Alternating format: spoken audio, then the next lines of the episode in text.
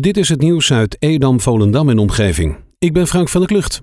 Om in deze moeilijke tijd de ondernemers te ondersteunen, heeft de gemeente Edam-Volendam besloten om het uitstel van betaling te verlenen tot 31 december 2020 van een aantal gemeentelijke belastingen en facturen. Als je dit wens, kan je met hen afspraken maken over ruimere betaaldata. Dit in ieder geval zolang de landelijke maatregelen aanhouden. Voor ondernemers heffen zij geen precario-belasting over 2020. Na 31 december moet je de facturen en belastingen betalen. Je kan daarvoor nu alvast een betalingsregeling treffen. Zondagavond omstreeks kwart voor negen zijn op de Jaagweg in Ilpendam twee auto's tegen elkaar gereden. Hierbij raakten twee mensen gewond. De Jaagweg tussen Purmerend en Watergang moest worden afgesloten vanwege de ravage en de auto's van de hulpdiensten. De auto's raakten elkaar frontaal bij een dwangpijl. Mogelijk is een van de auto's tegen het verkeer ingereden.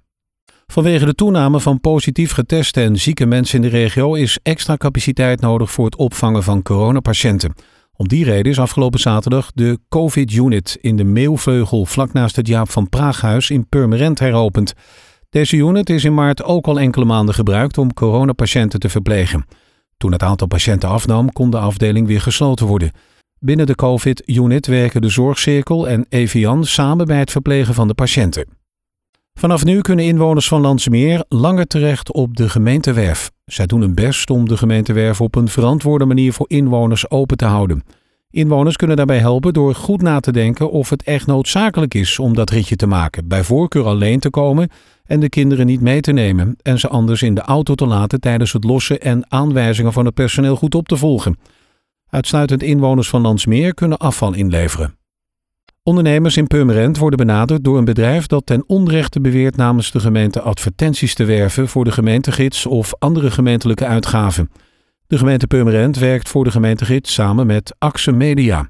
Zij adviseren extra alert te zijn wanneer men u benadert om een advertentie of digitale vermelding in een gids goed te keuren of te betalen. Het contact met Axe Media is altijd eerst telefonisch en vervolgens maken zij een persoonlijke afspraak. De bewoners van de Wakerdijk in Purmerend werden zondagochtend rond kwart over twee voor de tweede keer in één week tijd opgeschikt door een autobrand. Gepaard met een harde knal ging een taxi in vlam op. De auto's die ernaast stonden geparkeerd liepen ook schade op. Een week daarvoor brandde ook al een auto uit op de exact dezelfde plek. Deze stond toen vijf meter van de taxi die nu in brand stond. De politie doet onderzoek naar de vermoedelijke brandstichtingen. In het justitieel complex Zaanstad zijn twee afdelingen in quarantaine gegaan na een coronabesmetting. Vrijdag werd bekend dat een van de gevangenen met het virus besmet was. De afdelingen blijven nu voor tien dagen in quarantaine. Hoe de besmetting kon plaatsvinden is nog niet bekend. Bezoek is toegestaan, maar er wordt anderhalve meter afstand gehouden en er vindt altijd plaats achter plexiglas. Henk en Carla Visser uit Volendam hebben hun katten vorige week laten testen op corona, nadat ze eerder deze maand zelf positief getest werden op het virus.